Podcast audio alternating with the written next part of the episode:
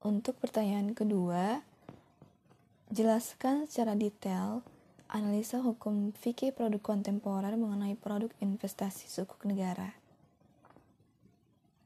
Untuk lebih jelasnya, nanti kita akan menganalisa 14 poin yang harus ada ketika kita menganalisa suatu produk.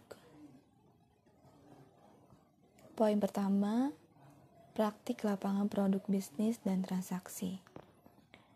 Sukuk negara atau yang lebih sering disebut dengan obligasi yang diterbitkan oleh pemerintah Republik Indonesia berdasarkan prinsip syariah atau bisa disebut pula SBSN, Surat Berharga Syariah Negara.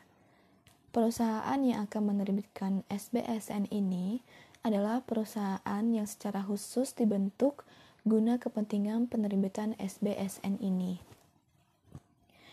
Dalam perkembangannya, sukuk negara menggunakan berbagai produk dengan akad yang berbeda-beda, sesuai dengan peruntukan SBSN tersebut. Ijaro Fixed Rate atau IFR adalah jenis sukuk yang menggunakan akad sewa dengan tarif sewa yang tetap, sedangkan sukuk retail atau SR diterbitkan setahun setelah IFR atau tahun 2009 dengan menggunakan skema yang sama dengan IFR dan ditunjukkan untuk menjangkau investor individu di Indonesia. Sedangkan Sukuk Nasional Indonesia atau SNI ditujukan untuk investor asing. Di tahun yang sama, penerbitan SR ini diikuti dengan penerbitan Sukuk dan Haji Indonesia atau SDHI yang tidak diperdagangkan, namun sebagai private placement dalam pengelolaan dan haji. Poin kedua mengenai parameter kesesuaian syariah. Yang pertama, akad pada transaksi ini terbebas dari transaksi yang dilarang yaitu maghrib, maishir, goror, dan riba karena bisa menggunakan akad ijaroh, mudorobah, dan akad wakalah, salam, dan lain-lain. Yang kedua, akad tersebut sudah diperbolehkan menurut syariat Islam, kemudian sudah disahkan oleh para majlis ulama Indonesia dan terdapat fatwa DSN MUI.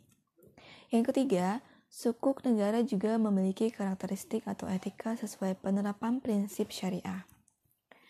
Poin keempat adalah tentang adab etika bisnis. Yang pertama, perumusan struktur SBSN yang meliputi jenis akad, tenor, volume, demo, demo, denominasi, metode penerbitan. Penyusunan dokumen syariah dan pasar modal, permintaan pernyataan kesesuaian syariah atas akad SBSN, pelaksanaan penerbitan atau penjualan baik dengan metode lelang, book building maupun teknik lainnya dan yang terakhir adalah settlement SBSN. Selanjutnya mengenai usul fikih. Terdapat dalam surat Al-Baqarah ayat 275 sampai 276 dan ayat 278 yang bunyinya Orang-orang yang makan atau mengambil riba tidak dapat berdiri melainkan seperti berdirinya orang yang kemasukan syaitan, lantaran tekanan penyakit gila. Keadaan mereka yang demikian itu adalah disebabkan mereka berkata atau berpendapat, sesungguhnya jual beli itu sama dengan riba, padahal Allah telah menghalalkan jual beli dan mengharamkan riba orang-orang yang telah sampai kepadanya larangan dari Tuhannya, lalu terus berhenti dari mengambil riba, maka baginya apa yang telah diambil dahulu sebelum datang larangan dan urusannya kepada Allah. Orang yang kembali mengambil riba, maka orang itu adalah penghuni-penghuni neraka. Mereka kekal di dalamnya. Allah memusnahkan riba dan menyuburkan sedekah, dan Allah tidak menyukai setiap orang yang tetap dalam kekafiran dan selalu berbuat dosa. Allah memusnahkan riba dan menyuburkan sedekah, dan Allah tidak menyukai kekafiran dan selalu berbuat dosa.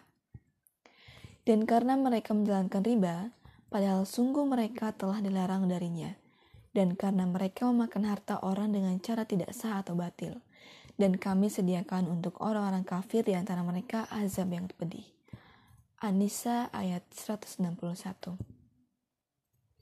Dalam hadis, Nabi riwayat Imam Tirmizi dari Amr bin Auf al-Muzani yang artinya perjanjian boleh dilakukan di antara kaum muslimin kecuali perjanjian yang mengharamkan yang halal atau menghalalkan yang haram. Dan kaum muslimin terikat dengan syarat-syarat mereka kecuali syarat yang mengharamkan yang halal atau menghalalkan yang haram. Kaidah fikih pada dasarnya semua bentuk muamalah boleh dilakukan kecuali ada dalil yang mengharapkannya. Pada makosid syariah, yang pertama merupakan investasi yang aman karena pembayaran imbalan dan, nilai nominal SBSN sampai dengan jatuh tempo dijamin oleh pemerintah.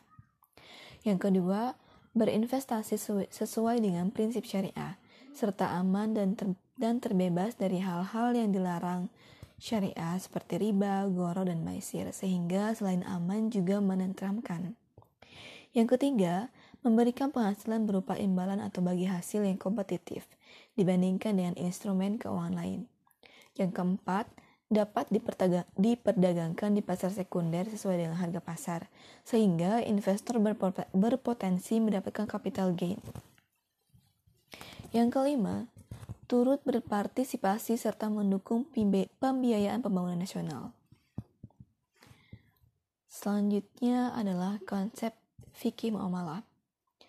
Special Purpose Vehicle atau SP, SPV bukanlah merupakan produk atau konsep syariah, melainkan praktik umum dalam kegiatan transaksi di pasar keuangan. Fungsi SPP hanya sebagai fasilitator dalam pelaksanaan transaksi yang dapat diadopsi dalam transaksi keuangan berbasis syariah. Untuk fatwa DSN, DSN MUI ada beberapa fatwa yaitu Fatwa DSN MUI nomor 71 tentang sel dan leaseback, Fatwa DSN MUI nomor 72 tentang surat berharga syariah negara ijarah sel dan leaseback, Fatwa DSN MUI nomor 76 tentang SBSN Ijarah Aset to be lease atau sukuk milkiyah al-mawjudat al-mu'ajaroh. Dan Fatwa DSN MUI nomor 69 tentang Surat Berharga Syariah Negara SBSN atau sukuk negara didefinisikan sebagai surat berharga negara yang diterbitkan berdasarkan prinsip syariah. Untuk fatwa standar syariah AAOIV adalah nomor 17 tentang investment sukuk. Untuk undang-undang dan regulasi ada dalam Undang-Undang Nomor 19 Tahun 2008 tentang Surat Berharga Syariah Negara yang disahkan pada tanggal 7 Mei 2008 yang mengandung yang mengatur tentang sukuk yang diterbitkan oleh pemerintah pusat. Peraturan lainnya yang mendukung pelaksanaan penerbitan SBSN diatur dalam peraturan pemerintah dan peraturan Menteri Keuangan. Jurnal nasional dan internasional ada dalam judul Sukuk dan, dan Pembangunan Negara oleh Fitrianto dan Ataradi dalam jurnal Ilmu Ekonomi. Dan selanjutnya adalah berita dan informasi Beranda keuangan bursa lelang 6 seri sukuk negara total penawaran masuk capai 46,67 triliun lelang 6 seri sukuk negara. Manajemen pemasaran dan risiko. Metode penerbitan, penerbitan sukuk sesuai dengan International Best Practice dapat dilakukan dengan cara atau metode A.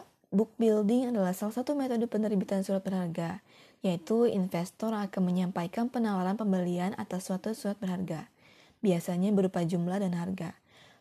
Penawaran pembelian dan dicatat dalam book order oleh investment bank yang bertindak sebagai book, book runner. B. Metode lelang adalah metode penerbitan dan penjualan surat berharga yang diikuti oleh peserta lelang dengan cara mengajukan penawaran pembelian kompetitif dan atau penawaran pembelian non kompetitif dalam suatu periode waktu penawaran yang telah ditentukan dan diumumkan sebelumnya melalui sistem yang disediakan oleh agen melaksanakan lelang. C. Private placement adalah salah satu metode penerbitan surat berharga di mana kegiatan penerbitan dan penjualan surat berharga dilakukan oleh pihak penerbit kepada pihak tertentu dengan ketentuan dan persyaratan yang disepakati bersama. Manajemen resikonya, resiko tingkat pengembalian atau rate, rate of return risk. Resiko kredit atau credit risk.